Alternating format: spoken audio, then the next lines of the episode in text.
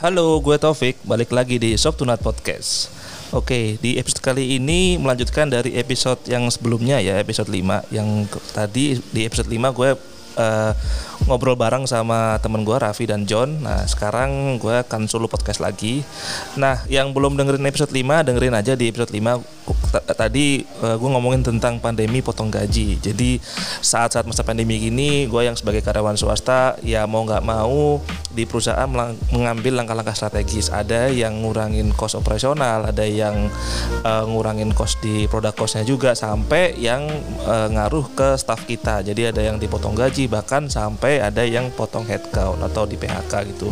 Nah, eh, dari segi eh, milenial jadi kita yang yang milenial ini itu apa sih yang perlu kita lakukan selama eh, pandemi kayak gini selama masa krisis dan terutama terutama yang kita masih beruntung bisa kerja bahkan maksudnya yang udah kena potong gaji pun masih untung lah ada pendapatan itu apa langkah-langkah yang kita perlu lakukan gitu. Nah Berikut gue akan ngomongin tentang tips eh, bertahan sih lebih tepatnya bukan menghindari krisis keuangan tapi coba bertahan menghadapi krisis ini dari segi finansial.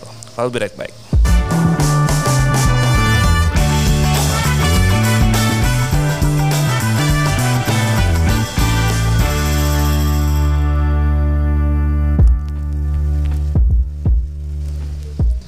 Oke, eh, langsung aja to the point, nggak pakai lama-lama. Eh, ini udah beberapa gua rangkum untuk ngasih tahu ke teman-teman dari sudut pandang gue untuk apa ya sisi dibilang muda juga nggak muda juga tapi dari sisi eh, ya milenial lah gue bisa menganggap ini dari sisi milenial eh, tips untuk gimana bisa bertahan di masa krisis dalam bidang finansial. Karena sama pandemi ini juga mau nggak mau ada hal yang kita nggak bisa kontrol dari segi pendapatan. Maksudnya eh, kita yang masih aktif kerja di perusahaan belum tentu juga kita bisa bertahan di sini dalam waktu eh, sampai kata sampai kapan. Yang kita bisa kontrol adalah ya da- dari sisi apa gimana kita bisa ngatur pendapatan kita saat masuk ke ke bank bank account dan gimana bisa ngatur spending kita keluar. Yang pertama eh, kita harus nyiapin duit tabungan itu pasti banget. Jadi kalau kita pun di, eh, kena pengurangan karyawan ya, misalkan kita kena PHK ataupun kita kena eh, orang yang termasuk kena potong gaji itu, seenggaknya kita punya uang tabungan untuk hidup lah, untuk makan, untuk kebutuhan pokok primer selama 3 sampai 6 bulan ke depan. Itu eh, bisa disimpan di berbagai macam jenis tabungan. Maksudku bisa tabungan biasa, tabungan debit kayak gitu. Atau bisa teman-teman kalau punya eh, bentuk-bentuk investasi yang lain kayak deposito, reksadana, obligasi. Pokoknya yang sifatnya gampang dicairin, yang sifatnya liquid eh, dan bisa apa bisa dipakai selama kurang lebih 3 6 bulan. Nah, seenggaknya dari masa-masa itu teman-teman masih bisa hidup buat memenuhi kebutuhan hidup lah untuk kebutuhan pokok, bayar eh, kontrakan misalkan atau eh, ya macam-macam lah. Jadi s- usahakan punya uang tabungan yang cukup sampai enam bulan dan selama enam bulan tersebut teman-teman masih bisa ada kesempatan buat ya cari-cari kerjaan, ngasah skill untuk cari sumber pendapatan baru. Nah, yang kedua ini sebenarnya susah ya, gue pun juga susah untuk melakukan hal ini yaitu buat anggaran. Ini ini paling susah lah bagi gue yang eh, orangnya apa ya eh, sanguinis banget hidup di hari ini, jadi nggak terlalu punya plan jangka panjang, jadi hidup hanya untuk hari ini dan besok. Jadi untuk bikin anggaran ini juga nggak gampang, tapi harus dilakukan karena eh, ini penting banget untuk kita jadi aware. Ternyata kita tuh spending udah ke mana aja gitu. Dan waktu kita udah nge-review ada yang review per minggu per bi-weekly atau enggak juga per bulan itu kita bisa tahu apa ya yang kita spending ini sudah tepat apa belum sudah bijak atau belum gitu. Dan ini sudah banyak sih eh, aplikasi-aplikasi di HP di Android di iOS di Apple itu juga banyak eh, aplikasi-aplikasi untuk bikin anggaran yang cukup mudah sebenarnya hanya buka aplikasi dari HP dan bisa masukin eh, spending kita dan udah record dengan bagus lah di situ. Nah ini memang perlu biasa karena kalau nggak biasa jadi sering-sering lupa gitu. Bahkan gua aja juga yang eh, biasanya eh, spending untuk makan aja juga nggak gua masukin dan itu mestinya sih dimasukin biar kita ketahuan kita udah keluar ke mana aja. Gua pribadi sih yang biasanya gua anggarkan yang kelihatan itu biasanya anggaran buat uh, misalkan gue tabung untuk uh, investment. Nah itu uh, gua gue catat karena cukup besar jadi kayak apa yang gue asisikan ke sana itu yang gue catat. Nah kalau yang hidup untuk uh, makan atau apa terlalu ini jadi nggak nggak terlalu gue catat karena terlalu sering banget. Ini kan juga suka lupa. Jadi uh, habit yang nggak bagus tapi sebenarnya perlu dibuatkan kayak anggaran seperti itu. Nah terus yang ketiga coba untuk potong monthly spending. Ini sebenarnya kecil sih tapi kalau dihitung-hitung juga lumayan. Misalkan kita yang tinggalnya di daerah-daerah dingin misalkan daerah-daerah di pegunungan daerah dingin ya coba lah untuk nggak pakai AC karena kan sudah enak juga jadi nggak terlalu gerah di dalam kamar. Jadi coba kurangin AC atau enggak kalau misalkan nggak kepake AC dimatikan. Kita mau keluar ke mana AC dimatikan. Kalau misalkan nggak perlu dinyalakan ya nggak usah gitu. Terus misalkan heater nah ini karena gue sering ngontrak dan kos jadi tahu heater itu satu alat uh, di rumah rumah tangga yang make listrik paling besar salah satunya. Jadi kalau misalkan heater nyalakan terus itu akan akan konsum listrik banyak banget. Jadi kalau misalkan heater kamar mandi nggak terlalu dipakai, dimatikan dulu aja. Kita nyalakan kalau pas mau dipakai. Itu menurut gue pribadi. Atau teman-teman kayak gimana? Terus lifestyle ini sudah disebutkan juga di episode berikutnya eh, apa sebelumnya bahwa lifestyle ini satu juga yang menurut gua faktor yang kita nggak nyadar ya jadi kita udah kebiasaan lifestyle dengan um, beli kopi Starbucks misalkan gitu. Ya, kalau ya kalau punya uang nggak masalah nggak masalah. Tapi kalau misalkan kita lagi cut spending ya janganlah kita sering-sering di kopi Starbucks. Atau kita ya alihkan itu untuk nggak usah dulu uh, untuk nongkrong. Toh juga lagi PSBB ngapain kita akan nongkrong juga. Sekarang pun juga kayaknya di kota-kota besar udah mulai untuk tutup ya tempat nongkrong tempat ini. Jadi udah mulai membatasi juga uh, jam bukanya mereka. Jadi ya seenggaknya bisa menghemat uh, spending kita. Nah, berikutnya ini nomor 4 tentang kredit card. Nah, kalau kredit card ini uh, harus tahu maksudnya gue juga pakai kredit card. Gue bukan yang anti kredit card. Kredit card itu juga ada gunanya juga untuk pembayaran dan segala macam tapi gini kalau pakai kredit card dan itu kan sebenarnya uh, apa sifatnya ngutang ya ngutang sama bank. Kalau bisa sih bayarnya on time supaya kita nggak kena bunga dan yang bikin bengkak ini ya bunga itu sendiri itu dengan tagihan uh, apa kalau misalkan kita bisa ngurangi tagihan di kredit card itu seenggaknya kita nggak terlalu bayar bunganya gede-gedean itu. Dan juga kalau bisa bayarnya on time kita nggak akan kena bunga.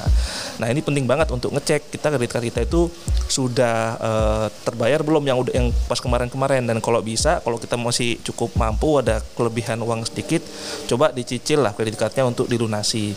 Atau enggak di jangan sampai ada utang gitu. Nah Terus kalau kamu masih ada purchase yang masih cicilan, ya kalau bisa dilunasi juga. Habis itu kalau masih ada uh, uh, cek lah. Jadi kan kita kan tiap bulan kan ada dapat laporan dari kredit card kan dari bank masing-masing di email itu dicek kita beneran spending ke situ nggak jangan kecolongan. Maksudnya dengan, dengan teknologi kayak gini, siapa tahu kita nggak nyadar beli dari mana ternyata itu adalah uh, apa namanya subscribe ke mana. Jadi itu kan akan terus ke spending.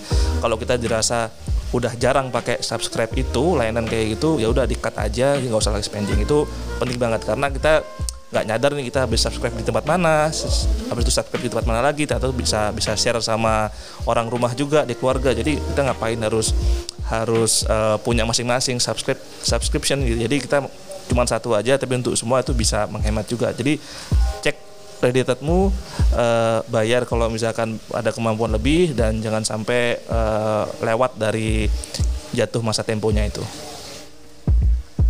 Terus yang kelima ini cek tentang coverage asuransi. Ini jarang dilihat sih, jarang dilihat sama banyak orang dan uh, menurut gue ini penting dan uh, jadi ini kayak kayak apa ya? Kita kayak beli beli apa namanya itu pemadam kebakaran apa uh, fire extinguisher lu mesti beli sekarang walaupun tuh nggak pernah dipakai dan lu mesti punya karena itu kayak buat jaminan e, kalaupun rumah lu nanti kebakaran misalkan ini tentang rumah ya lu kebakaran lu bisa madamin itu cepat-cepat biar nggak hancur rumahnya nah ini kita nggak tahu kapan makainya jadi kayak asuransi itu kita nggak tahu kapan makainya tapi kita harus punya seenggaknya supaya untuk e, melindungi uang kita nanti kalau kita kenapa-kenapa dalam hal ini misalkan sakit. Sakit kan juga e, mesti berobat ya, berobat perlu uang. Jadi kalau ada asuransi, asuransi itulah mengcover kita jadi nggak pakai uang pribadi kita sendiri gitu. Jadi yang kita udah planningkan buat ngapain buat uh, invest dan buat tabung dan segala macam akhirnya malah kepake buat berobat kalau misalkan kita nggak punya asuransi. Jadi akan akan sayang banget. Terutama kayak masa kayak gini masa pandemi yang kita nggak tahu juga gimana keadaan kita ya. Jadi ya semoga teman-teman sehat-sehat semua. Ya, ya harapanku juga teman-teman bisa melek sedikit tentang cek coverage asuransi teman-teman. Ini sudah sampai mana aja gitu. Penting lah punya punya asuransi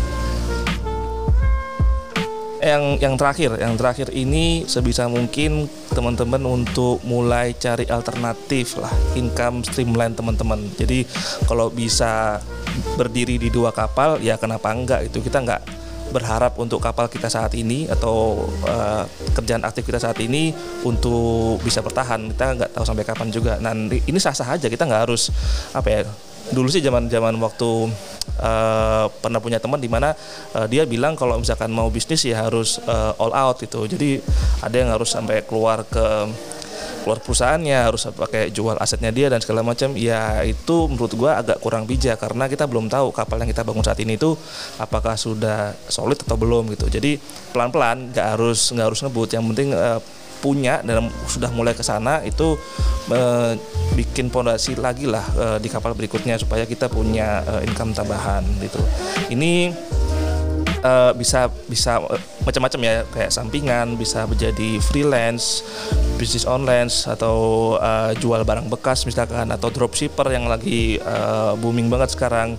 Dan dan ini ya perlu dicoba karena kita nggak tahu kita nanti uh, bisanya atau dapat ininya dari mana? Maksudnya besarnya itu bisa dari macam-macam. Ada yang orang dari freelance itu bisa bisa bisa langsung berhasil. Ada kita gagal dulu terus coba yang lain baru berhasil. Jadi we don't know. Jadi kita mesti coba cari-cari cara uh, untuk mendapatkan income stream yang lain dan juga bisa untuk jaga-jaga kalau kerjaan aktif sekarang kita ini yang kita uh, yang gue pribadi punya saat ini itu udah nggak lagi uh, eksis atau gue misalkan kena pengurangan uh, employee karena apa kondisi perusahaan dan lain sebagainya gitu. Jadi coba melek untuk ke arah sana uh, pertimbangkan ke teman-teman lain eh, teman-teman sendiri coba cari alternatifnya dan ini uh, setiap orang kan beda-beda juga nggak harus nggak harus sama cara cari income streamline-nya ini. Jadi tentukan yang teman-teman suka tentukan yang teman-teman bisa juga uh, dan dicoba semoga uh, berhasil Oke, okay, uh, eh, dari gua itu aja ya. Jadi semoga bermanfaat bagi teman-teman dan semoga bisa diambil manfaat uh, apa namanya hikmah ya dari yang gua ini uh, ocehan gua kali ini. Gua pamit undur dulu. Aisyah ribet banget. Gue pamit undur diri dulu. Sampai bertemu di episode selanjutnya. Gue Taufik. Bye-bye.